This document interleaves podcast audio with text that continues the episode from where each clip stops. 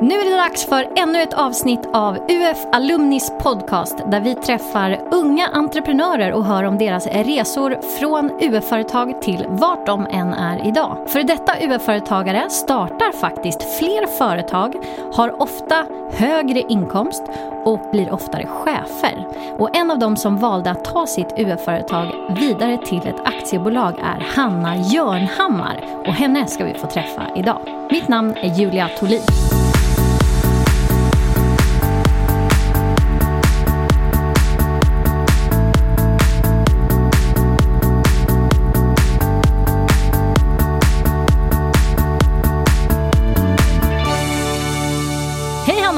Hej Julia!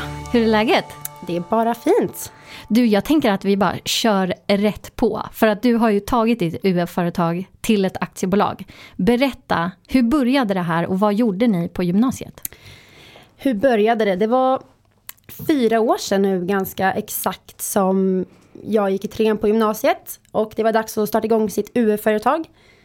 Eh, och vi, vi höll på och kolla på en massa olika typer av produkter och eh, eftersom att vi är från Gotland så var det väldigt många som ville ha någonting med Gotlands anknytning. Och det skulle ha någonting med det gotländska varumärket att göra. Alla ska sälja lamm eller ja, men precis. Allting skulle vara liksom gotländskt och närproducerat. Så vi valde att eh, vi gör något annat helt enkelt. Och sen ehm, efter lite kontakter hit och dit så kom vi in på just linneprodukter. Och eh, jag hade i alla fall ingen aning om vad det var. Det enda liksom, associationen som jag hade till linneprodukter var från Medeltidsveckan. Som är en ganska erkänd vecka i Visby varje sommar. När det kommer tusentals gäster och besöker ön och har på sig just linnekläder. Särkar och klänningar och allt vad det är. Och, och det var det jag tänkte på. Att fan, inte det lite... Nu svor jag. Det går jättebra, man får svära hur mycket man vill. Ja. Är inte det lite gammalmodigt och sådär. Så jag hade en ganska ja, det var det jag associerade linne till i alla fall. Men sen så började vi hålla på med det.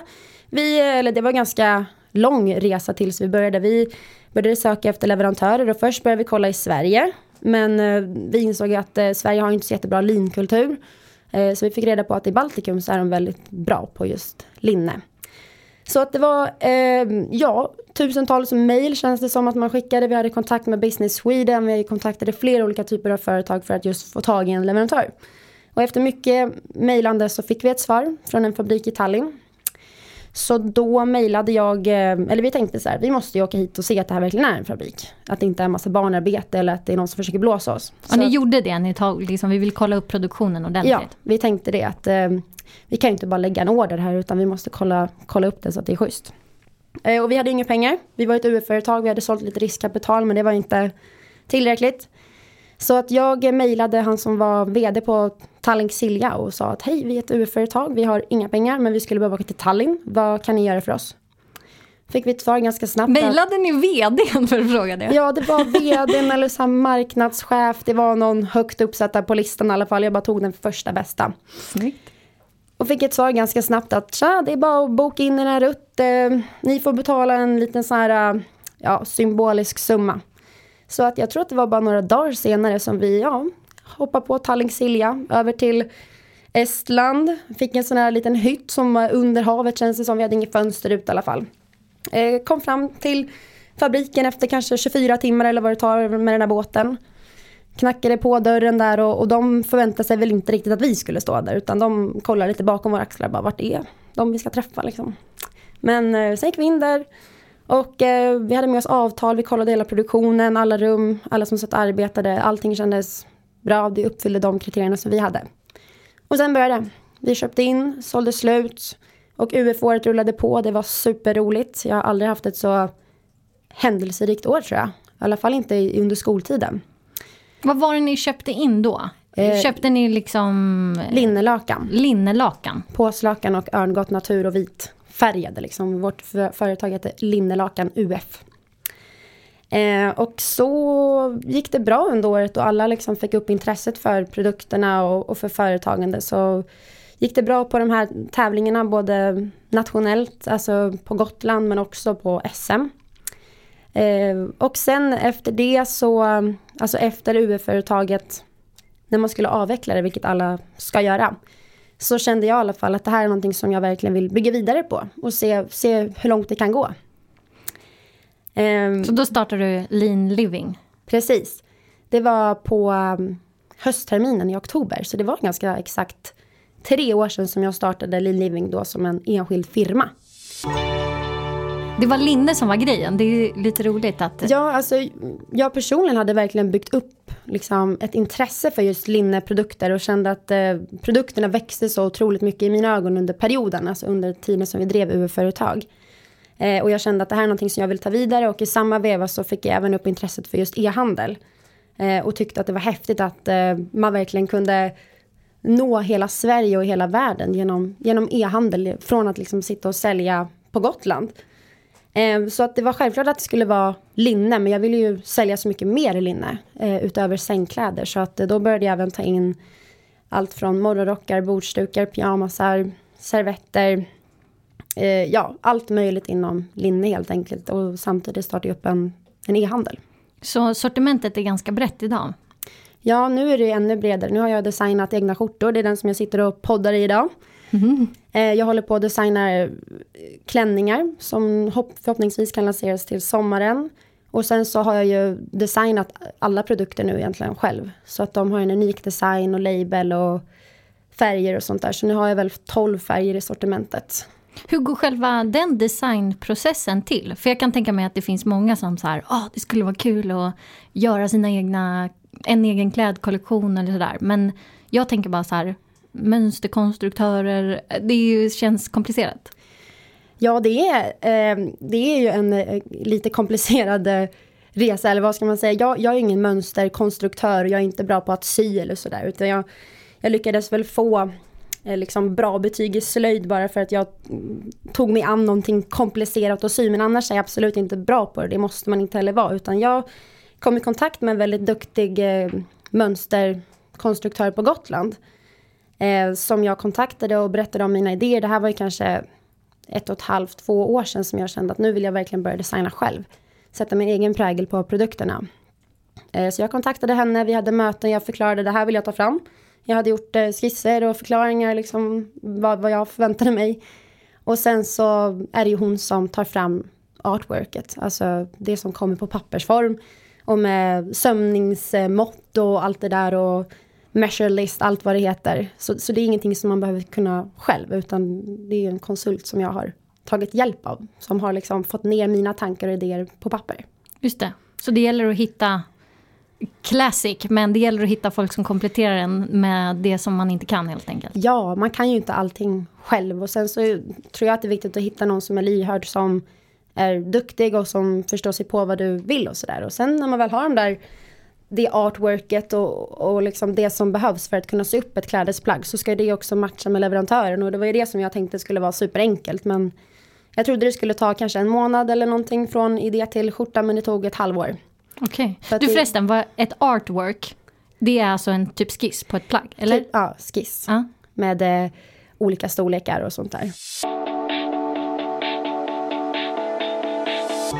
Du, jag kommer ihåg när du fick ta emot ett stipendium på eh, SM i Ung Företagsamhet. Fast det var ett UF Alumni-stipendium, det här UF till AB. Eh, 50 000 kronor för att egentligen bygga upp ett aktiebolag. Eh, och då så kom jag ihåg att du sprang upp på scenen och i intervjun bara Jag är så himla varm, men det är tur att jag har linne på mig. det var så roligt sagt. Ja, nej men det, det är ju sant alltså. Att det är ju verkligen ett, eh, ett temperaturanpassande material och, och jag som säkert många andra det är inte ett problem skulle jag säga, men liksom man rör sig mycket om dagarna och sådär och, och ibland kan det ta emot att kanske klä sig med skjorta för att man känner att nej men det sitter för tajt eller liksom det blir för obekvämt och där, då är linneskjortan en väldigt bra lösning. Nej, just då är jag tacksam att jag hade på mig linneskjortan verkligen, för det var en, en rush som jag tog där på scenen. Och berätta, du har ju vunnit en hel del stipendier. Eh, liksom du har vunnit UFTAB-stipendiet. Det är ju en del av UF Alumni-nätverket. Att eh, eh, UF Alumni delar ut stipendier till före detta UF-företagare för att liksom, eh, få igång sina verksamheter eller uppmärksamma. Och du har fått flera av dem. Eh, så UFTAB var ett av dem.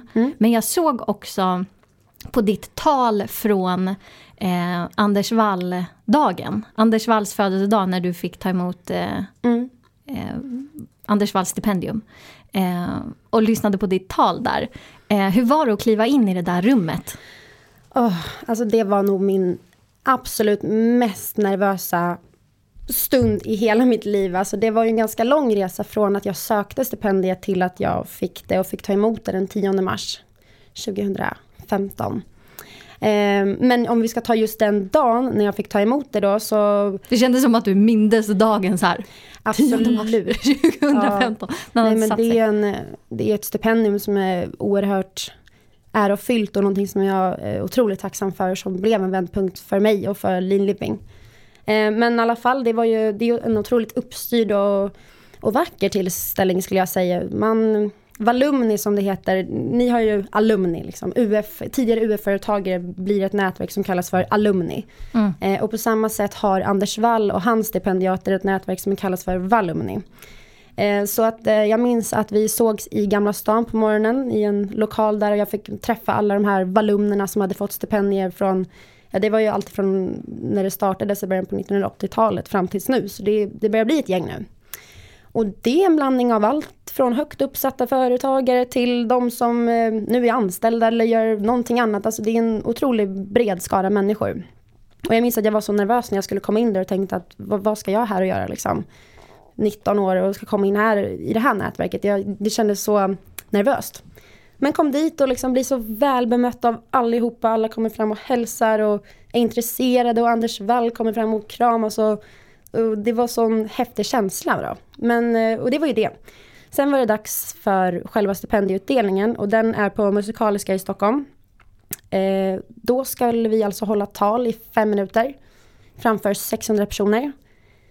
Eh, och i publiken så sitter ju prinsessan Kristina, Anders Wall, hans kompisar eller vänner och... Anders Walls kompisar, de är liksom inte vilket gäng som helst. Precis, nej men det är ju, det är ju blandat folk verkligen men det är framförallt att det var många och sen är det Anders Wall stipendiaterna sen tidigare och sen min mamma och pappa satt också i publiken vilket nog var absolut mest nervöst. Eh, I alla fall så var vi 15 stipendiater det året inom olika kategorier. Det var allt från forskning och lantbruk, musik och sen fick jag inom entreprenörskap så står vi på ett led och liksom går in i den här salen. Alla reser sig upp, applåderar, vi går fram på scenen, sätter oss där. Så att uh, vi satt alltså på scenen i två timmar framför den här publiken och uh, en och en gick fram och höll tal. Ni skulle liksom visas upp ja. inför alla så här. Ja, och de hade ju sagt till oss innan att det är inte så här att man behöver bevisa någonting, för det har man ju redan gjort genom att ha fått stipendiet, men just att det här är er chans att sätta ett avtryck för vilka ni är för Anders Wall och för hans nätverk och för valumnerna. Eh, det är liksom de fem minuterna man får. Så att det var ju otroligt nervöst eh, och sen så minns jag att det var kanske sex personer före jag var någonstans där i mitten och alla höll så otroligt bra tal så jag kände att gud vad nervöst det här känns. Men så gick jag fram i alla fall, skakade och eh, bara såg ut över publiken. Jag är ganska van liksom med publik för jag har dansat mycket när jag var yngre så jag vet liksom att det är bara att fokusera långt bak, tänk inte på att de sitter här. Men första meningen så ja, kändes det supernervöst. Men sen så bör, fick jag alla att börja skratta ganska snabbt så då släppte allting. Men det var, ja, det var nervöst. Men det var absolut en, en av de häftigaste dagarna i mitt liv måste jag säga. Riktigt eh, stort att få ta emot det stipendiet. Och jag tycker i just talet, jag älskar ju tal eftersom jag håller på med retorik, men eh, jag tycker du lyckades eh, så bra med det här med att så här, anpassa sig till tillställningen, att det ska vara högtidligt men samtidigt eh, hade de här, så här små comic reliefs hela tiden, att du fick till det bra. Eh, du berättade ju om eh, din podcast som mm. du drev då. Kan du inte berätta om den? För det var namnet som var roligt att säga i det rummet. Ta en rövare. Exakt, och alla de här. Anders Walls kompisarna de bröt ju ut i garv.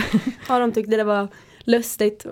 Men eh, jo, just det, den podden ja, den, eh, det var jag och eh, Alltså efter, efter jag slutade gymnasiet så, så hände det en hel del. Alltså jag fick ju upp intresset verkligen för företagande och entreprenörskap och kände att, eh, för jag har aldrig liksom vetat riktigt vad, vad jag vill bli egentligen. Jag har inte haft någon sån här tydligt mål att jag vill bli pilot eller läkare eller så, utan det har varit lite svajigt kanske. Men sen så fick jag ju verkligen upp ögonen för just entreprenörskap efter UF-tiden. Så att det var verkligen ung företagsamhet som gav mig det, eh, det intresset.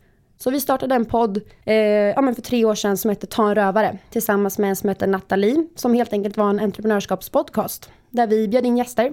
Vi pratade själva om våra erfarenheter som vi hade då. Eh, efter att ha drivit bolag i några månader. Ja, precis. Det är roligt. Men å andra sidan, att det är så här, det där tycker jag är så himla rätt. Att så här, dela med sig av där man är just nu.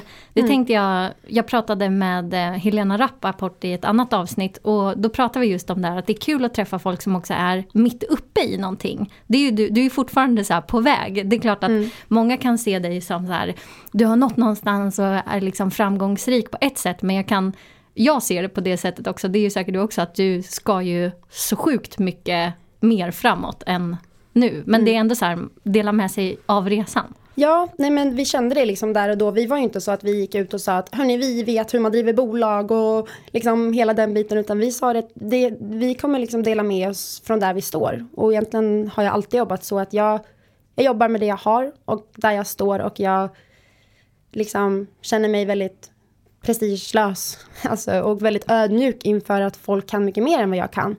Eh, men det är just bara det här givmildheten, att dela med sig av det man kan och kan man inspirera på något sätt så, så gör jag gärna det och det var jättekul att ha den här podcasten.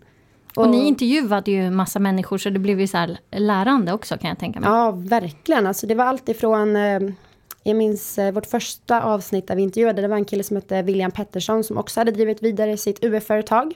Superkul. Och sen intervjuade vi eh, ja det var ju inte bara företagare, det var även människor som var anställda. Vdn på Almi på Gotland, Elisabeth Kalkhäll. En bilhandlare på Gotland, Johan Bengtsson, som säljer Mercedes. Och det var allt möjligt verkligen. Mm. Och det var jättehäftigt. Och, och vi liksom, det var ju samma sak där. Vi hade absolut inte en sån här organiserad podcaststudio som vi satt i nu, utan vi satt i en bil och intervjuade, för det var liksom bra ljudupptagning där. Och ja, vi, vi gjorde liksom allting lite sådär vi löste allting. Med det ni hade? Ja, precis. Men, och det, det där vet jag att det är någonting som du eh, står för också, att så här, börja, börja jobba där man står. Eh, vi pratade om det när vi sågs eh, tidigare, att eh, eh, du kommer från Gotland och det är så himla många som så här, det första man gör är vi måste flytta till Stockholm för man kan inte bli något kvar på den här ön. Men du såg det inte riktigt på det sättet. Nej, Verkligen inte. Jag är, som sagt, jag är från Gotland, från Visby, jag har bott där hela mitt liv. Och eh, efter gymnasiet så var det ju otroligt många av mina kompisar som flyttade och ville börja studera eller jobba utomlands eller till Stockholm. Eh, men jag fick jobb på Ung Företagsamhet faktiskt. Jag är väldigt involverad i Ung Företagsamhet. Eh, jag fick jobb där i alla fall eh, på halvtid och det var också därför som jag tänkte att det var perfekt att starta igång bolaget för då hade jag ju oceaner av tid till att göra någonting annat spännande. Eh, och eh, sen stannade jag kvar ett år till. Men just det att liksom faktiskt vara kvar på den orten där man kommer ifrån. Där det känns lite tryggt. Och på en liten ort så är det ju även betydligt mycket enklare att komma in i näringsliv. Att få liksom sitt personliga varumärke att växa, vilket är ett ganska viktigt. Eh, när man startar bolag och ett så litet bolag. Så att eh, jag hade ju väldigt bra förutsättningar genom Ung Företagsamhet. Att jag fick träffa mycket folk från näringslivet, politiker, komma in i styrelsearbete, se hur det funkar. Um, och sen... Jag tänker att när man är på en liten ort så blir det liksom lättare att komma in i de där rummen. Eh, för att man, eh, är, är, man liksom driftig och framåt och på så märks man på ett annat sätt än om man är i en, i en större stad. Ja men jag tror det. Jag tror att det är um det är såklart, det är mindre människor, det är enklare att komma till de beslutsfattande människorna och, och, och möjligheterna. Ja, det känns enklare att slå sig fram helt enkelt på en liten ort. Alltså, sen om man är från Stockholm, absolut, eller från en storstad så kanske man har bra ingångsportar där. Men, men jag tror att hade jag flyttat upp till Stockholm när jag startade mitt bolag och försökt slå mig fram här så hade det varit tuffare. Det hade varit en brantare backe att slå sig igenom nu har jag haft chansen att, eh, att lära känna mycket folk i näringslivet på Gotland som sen har kunnat eh, liksom slussa mig vidare till andra människor på andra orter och sådär. Så det är viktigt att, att, lära känna folk, tycker jag i alla fall. Mm. Men bra medskick, tycker jag, till personer som eh, Speciellt då unga människor som kanske har som ursäkt att jag befinner mig på den här lilla orten eller den här lilla stan och det betyder att eh, använder det som en ursäkt för att inte göra grejer. När Mm. det kanske till och med är en fördel. Mm. Nej, men sen är ju världen så liten idag med tanke på allt digitalt så att du kan ju verkligen nå vem som helst i hela världen även om du sitter i en mindre stad eller ort eller, eller vad det än kan vara. Så att jag tror inte att, eh, att man måste ha så bråttom iväg. Men kan vi inte komma in på det med eh, Eh, det digitala? För att du har ju byggt eh, lean living utifrån en, eh, byggt en e-handel helt enkelt. Eh, och eh, ja, kring marknadsföring online och sådana saker. Vad har varit dina... Vad har du behövt lära dig för att lyckas med det här och vad, vad är dina ja, bästa kom igång-tips med att bli e-handlare? Mm, ja, alltså att eh, driva e-handel är ju inte det enklaste.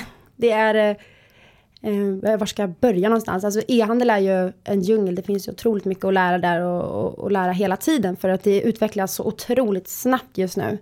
Men jag kan tänka, om, om jag bara ska ge en ingång på det. Jag tänker så här, okej, okay, du startar en webbshop. Så här, mm. ja, och så har du den då. Och du kanske har ett lager någonstans. Eh, och sen så finns det någonting som heter, vi kan börja väldigt basic så här. Det finns något som heter sökordsoptimering. Eh, och som jag har förstått det så har du verkligen hittat ditt sätt för att nå ut online. Mm. Och då tänker jag så här, mm, vilka steg, hur har du gått tillväga liksom? Ja, för det första så um, kom jag i kontakt med en otroligt erfaren och bra programmerare. Han är eh, ung och eh, därav är han helt liksom inkörd med hur e-handel ser ut idag. Så att, eh, och sen, eller det är egentligen flera personer som jag har haft kontakt med som har hjälpt mig längs vägen att liksom eh, att lära mig vad, vad behöver du kunna för att kunna starta upp en e-handel och vad, vad innebär det? Och det är ju inte bara att starta upp en e-handel och sen rulla den på utan det handlar om att du ska kunna driva in trafik till din hemsida som handlar dina produkter och gärna som återkommer och som sprider vidare ditt budskap och då är det så många saker som är viktigt där.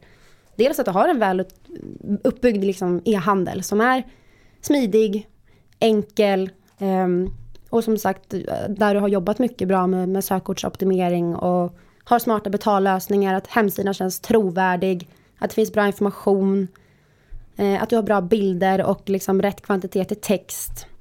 Eh, att du har ett bra innehåll helt enkelt.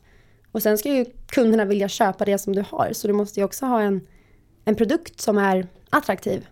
Eh, och sen är det viktigt att ha nöjda kunder. Och eh, Lean Living, eller jag, har ju en utmaning där att de produkterna som jag säljer är ganska, de kostar en del. Och sen så är det ju viktigt då med eh, att du får bra länkningar till din hemsida. Eh, för att i början så kanske inte din hemsida är så himla trovärdig eftersom att den inte har funnits så länge. Ehm, eh, och kanske inte har superbra innehåll. Så då är det viktigt att du får bra länkningar från andra trovärdigare hemsidor eller vad det nu än kan vara. Hur börjar man där då för att liksom få, jag tänker att de första är ganska kritiska att få till. Eller hur började du? Um, hur började jag? Alltså jag minns ju jag minns ju så väl liksom när min hemsida äntligen blev klar. För det första så la jag ju ner otroligt mycket tid på den. Eh, alla produkttexter som är i hemsidan har jag skrivit själv. Istället för att ha köpt texterna. Så att för varje artikel i en e-handel. Eh, I min e-handel så måste den ha ungefär 300-400 ord. Och de har jag skrivit själv och sen fått lite hjälp från kompisar då som vill hjälpa till. Eh, och sen eh, när liksom hemsidan lanserades och var klar, då är det ju bara att börja jobba liksom. Och jag hade ju lite flyt där i början eftersom att eh, jag eh, fick ju som sagt ta emot Anders Wall-stipendiet och eh, Svensk Näringsliv skrev om det och eh, Dagens Industri. Så där fick jag ju ganska bra länkningar, det är ju trovärdiga hemsidor. Ja, verkligen. Det blir Eh. väl knappt trovärdigare. Nej. Nej, men sen är det ju mycket så här, um, du kan ju hitta bra bloggare som har många läsare. Som vill skriva om dina produkter och, och därigenom få bra länkningar. Så att det, det är svårt att säga liksom hur man ska göra och sen är inte jag expert på e-handel utan det handlar ju om att återigen vad är det för produkt du har? Vad, vad, vart står du? Vad har du för förutsättningar? Vad har du för eh, medel för att kunna expandera din e-handel? Och det är en ganska lång historia hur jag har gjort det från, från start. Liksom. Men sen har jag jobbat otroligt mycket med sociala medier, med Instagram. Och eh, även med de kunderna som har kommit in eftersom att e-handel är ju så pass det blir ändå ganska opersonligt eftersom att människor loggar in på din e-handel. De ser ju inte dig utan de ser bara produkterna. Information om produkterna, vad de kostar och sen liksom gör de en checkout och betalar för den produkterna och, och de har liksom aldrig fått utbyta några ord. Men jag var så mån i början om att varje kund ska känna att de blir personligt bemött. Så att eh, jag har ju återkopplat till alla kunder som någonsin handlat på Livings e-handel. Dels genom månatliga mejl att liksom fråga är du nöjd med det du har handlat? Eh, vill du komma tillbaka så kan jag erbjuda eller så kan vi erbjuda en rabattcheck eller vad det än kan vara. Skicka med en extra gåva. Göra någonting så att alla personer känner att de har blivit sedda och fått berätta vad de tycker om produkterna. Eh, och det har gjort så att Lean Living har otroligt nöjda kunder. I stort sett 0% returer. Eh, och varje månad som sagt så får man en riktig ego-boost med liksom kommentarer som kunder skriver in efter de här månatliga utskicken. Att vi är så nöjda med Lean Livings produkter. Min dotter har tagit mitt linnelaken så nu måste jag köpa fler för att eh, och nu tog min andra barn de andra linnelaken så nu måste vi köpa fler och liksom så har det varit. Och kunder skriver framförallt att de är så otroligt nöjda med bemötandet för det känns så personligt fast mm. det är en e-handel. Det är fantastiskt. Men eh, när jag gick in på din hemsida så eh, såg jag på fliken så här om oss eller vad det stod. Eh, och då så stod det inte någonting, det här är Hannas verk. Alltså du promotar inte dig själv så. Hur har du tänkt kring det där om att liksom vara eh, varumärket? Ja, eh. det är faktiskt en kul fråga för jag har haft eh, ganska mycket mentorer genom åren. Lite olika mentorer som har hjälpt mig längs vägen. Och då är det en av dem som jag minns på ett möte när vi snackade och han sa det att han har överallt på din hemsida så står det jag, jag, jag, Hanna, Hanna, jag och liksom ditt bolag uppfattas så otroligt litet. Och, och jag kände det att okej nu är jag i någon sån här mm, vändpunkt att nu måste jag bestämma liksom, ska det här bolaget vara det här lilla gulliga bolaget som jag sitter hemma i mitt flickrum och, och driver liksom eller ska det bli någonting större? Och, och jag vill ju alltid att det ska bli större och större så, så den dagen så bestämde jag mig för att eh, Lean Living det är vi. Det är liksom, det är ett stort bolag eh, ska det uppfattas som utåt i alla fall. Eh, även om det bara är jag just nu som, som driver lean living så ska det alltid uppfattas som att det är större. Så att eh, liksom jag blev vi eh, och sen har det fortsatt så. Eh, och, och, det funkar ju, det blir ju så här fake it till you make it effekt. Verkligen, alltså det ringer ju ständigt folk och, och frågar Hej, har vi kommit till Lean living? Vi vill prata med kommunikationsansvariga idag. Jag bara, du bara, vänta, jag ska koppla. koppla här. Nej men eh, så är det ju. Eh, så att det, allting handlar om, om hur man kommunicerar ut bolaget. Och, och jag tycker det känns liksom trovärdigt att, eh, att, att göra på det här sättet. Just det. Jag kom att tänka på när jag eh, hörde um, Truecallers grundare. Han pratade om att när de startade upp Truecaller, så, så här, omkring att så här, bygga varumärke så hade han börjat säga när han åkte taxi till taxichauffören så här, ja du kan skjutsa mig till Truecolors huvudkontor. Och taxichauffören bara, vart ligger det? Och då sa han adressen.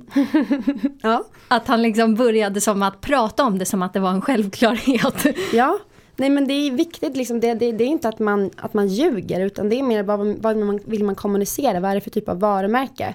Och Lean Living säljer ju väldigt exklusiva och produkter som kostar en del. Eh, och, och, det, och, där känns det också viktigt att vi kan liksom kommunicera att det här är ett seriöst företag.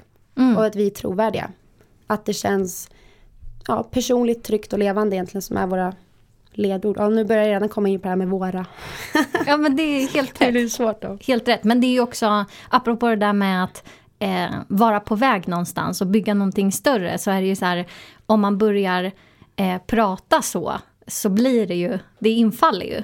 Mm. Jag, när jag började plugga på retorikkonsultprogrammet så började jag ganska direkt kalla mig själv för retorikkonsult. Mm. Istället för att kalla mig för student. Eh, för att, eh, ja, av samma anledning egentligen. Ja men det handlar ju om att du själv också ville bli trygg i den rollen och liksom, du ville ju bli retoriker mm. antar jag, eller liksom börja mm. jobba som konsult och då, då måste du ju själv ställa in dig på det.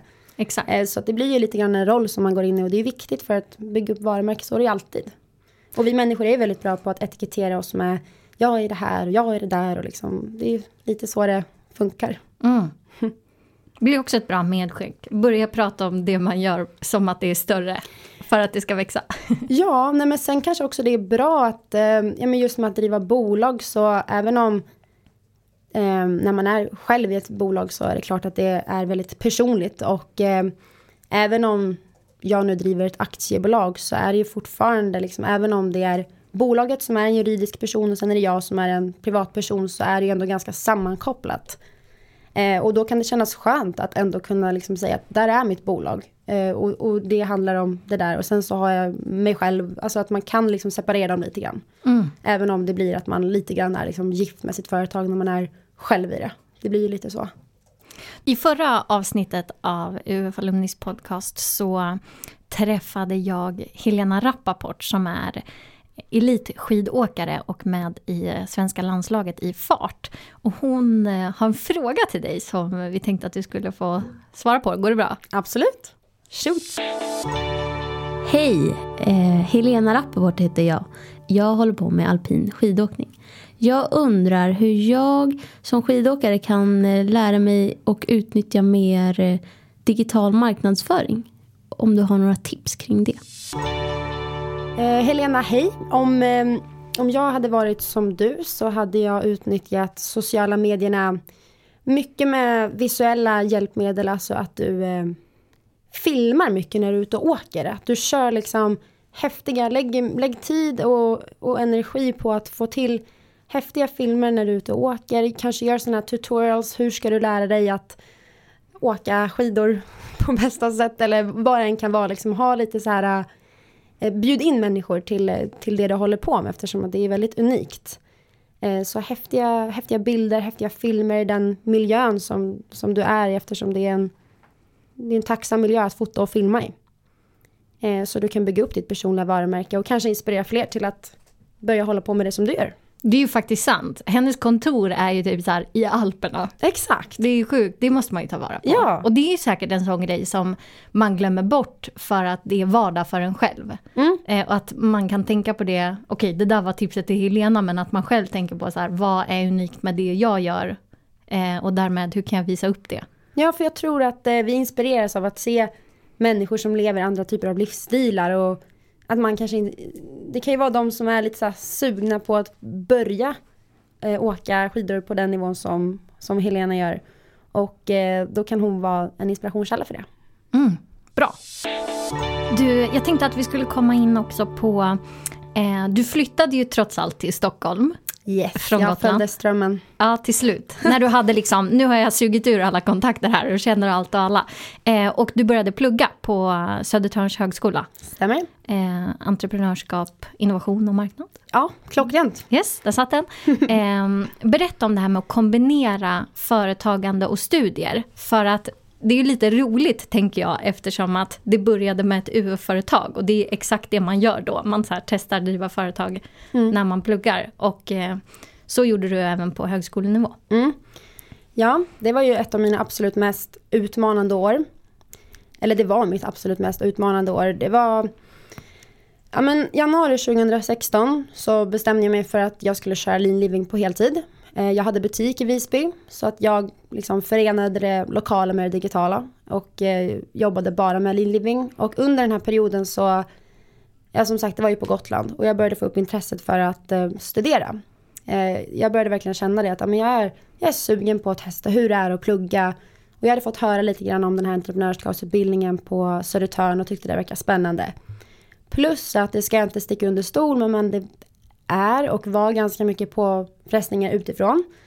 Eh, att man både läser, ser och hör och eh, bekanta som säger till en att ska du inte ha en akademisk utbildning det är ju trots allt eh, det avgörande i framtiden och utan en akademisk utbildning så kommer du inte lyckas med vad du nu än vill göra liksom. Och det är även om jag alltid liksom jag har inte hållit med även om jag tycker att utbildning är såklart superbra. Det är någonting som du aldrig kan förlora på. Men jag visste inte om det riktigt var rätt för mig men i vilket fall så sökte jag in till den här skolan och tänkte att kommer jag in och eh, allting klaffar och sådär så då kör jag. Och plus att det kändes som en utmaning att, att jag ville liksom testa det här med att går det verkligen att plugga heltid och driva bolag samtidigt. Um, så att det var helt enkelt också för att jag var så nyfiken på, på hur det skulle fungera. Uh, så då flyttade jag upp till Stockholm uh, efter sommaren och uh, kan även tillägga att jag då var med i två stycken styrelser på Gotland och ett innovationsråd. Och jag hade inte riktigt tänkt på att, ja, det, att det skulle bli så mycket pendlande som det blev. Men det året var i alla fall att, eh, ja, som sagt, plugga heltid, eh, driva bolag på heltid som då var eh, ja, den mest expansiva fasen hittills.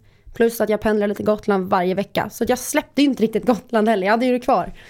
Eh, men jag kan säga att det funkade, absolut. Jag klarade tentorna och liksom var med på alla obligatoriska seminarium.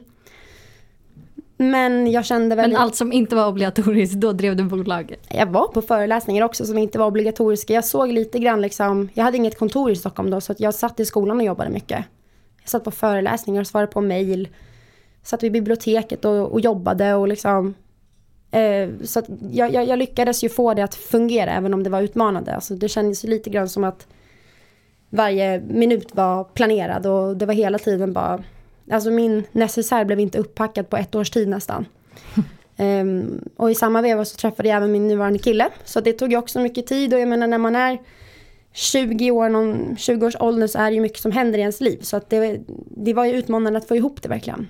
Um, och sen så kände jag också lite grann att efter att ha testat att plugga och fått höra så mycket om det så levde det i alla fall inte upp till mina förväntningar. Alltså det var såklart lärorikt. Jag lärde mig en del.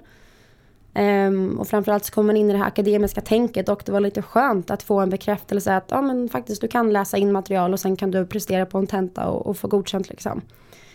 Men jag kände inte att, ja men till exempel som när vi läste redovisning och ekonomistyrning och sånt där. Man skulle räkna på täckningsbidrag och marginaler och lära sig resultat och balansrapporter och löpande bokföring.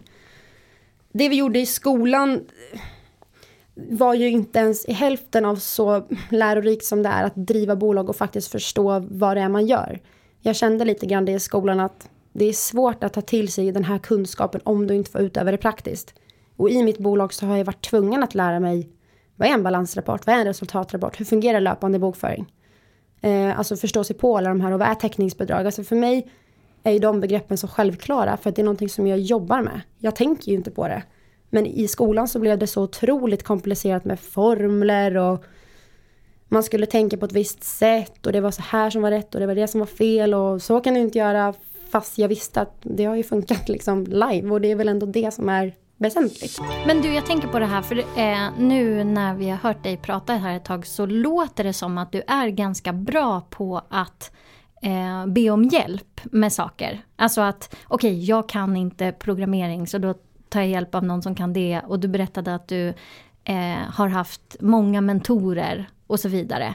Eh, jag började tänka på mm. det här för att just eh, ekonomi och administration ofta är en sån grej som man lejar ut. Mm. Men min fråga är ehm, vad har du för, för... Jag kan själv känna så här att jag är lite dålig på att be om hjälp i mitt bolag. Att jag tänker så här att, att det kan vara svårt att hitta rätt person att be om hjälp för att jag vet såklart massa företag som bygger hemsidor. Men då ska man träffa rätt i att det är någon som kan hjälpa en fast inte ta så mycket betalt. Mm. Förstår vad jag menar? Ja. Att så här, hitta rätt person i att hjälpa en i olika mm. skeden. Nej men det är jätteviktigt att våga be om hjälp och känna sig ödmjuk inför det att, att man faktiskt inte kan allting. Eh, för det är ju ganska omöjligt faktiskt att kunna exakt allting. När man driver ett bolag själv så är det så många olika parametrar och liksom olika saker som ingår. Det vet ju du också som har bolag att det är, det är väldigt mycket som man måste vara bra på om man ska göra allting själv.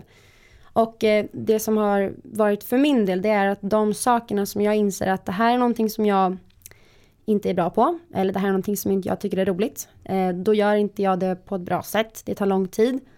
Eh, ett sådant exempel var bokföringen. Jag, jag började göra det själv liksom när jag startade upp bolaget och insåg att det här är någonting som tar alldeles för mycket tid. Det känns liksom inte utvecklande. Då lägger jag bort bokföringen. Eh, det frigör mycket tid för mig att fokusera på försäljning och marknadsföring som jag tycker är mycket roligare.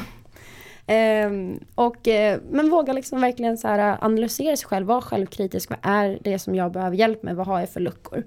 Och då är det återigen träffa människor, nätverka, kommunicera. Ehm, som till exempel jag kunde göra på Gotland genom att komma in i styrelser och prata med människor och eh, som kan leda en till de här, alltså det blir sådana dominobrickor. Mm. Så att eh, det är, våga be om hjälp. Det, ja, det, var det, som var, det var det som var poängen.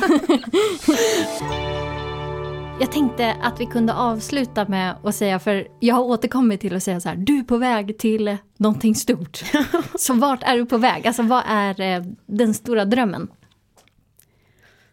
Drömmen har alltid varit att, eh, ända sedan jag startade Lean Living, att få det till ett eh, livskraftigt bolag som utvecklas, där jag kan anställa flera. Att eh, Lean Living finns på inte bara en ort fysiskt, utan flera. Jag vill att eh, Lean Living ska ha butiker i flera huvudstäder i Europa. Jag vill kunna internationalisera hemsidan ännu mer. Nu finns eh, hemsidan i Sverige och Norge, men jag vill ha runt om i hela Europa och, och fler länder och liksom kunna verkligen, ja men kunna fortsätta och utveckla bolaget och lämna ett avtryck. Och det är lite grann det som går att göra med just linneprodukter, mycket tack vare dess kvalitet. Eh, linne är ju ett material som har funnits i urminnes tider och används i så många år och har tack vare sin kvalitet förmågan att liksom finnas kvar i människors hem år in och år ut och gå i generationer och det är det som jag vill göra med linliving, Lämna avtryck i människors hem och människors liv. Du, det är dags för mig att byta ut den här polyesterskjortan till ja. linne. Det är en sak som är säker.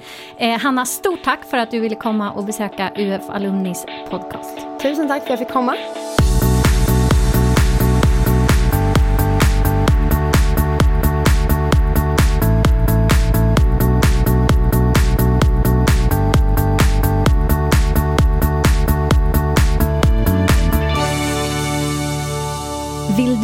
Också söka stipendium för din affärsidé. Varje år delar UF Alumni ut flera stipendier på minst 50 000 kronor. Läs mer på ungföretagsamhet.se ufalumni. ungföretagsamhet.se ufalumni.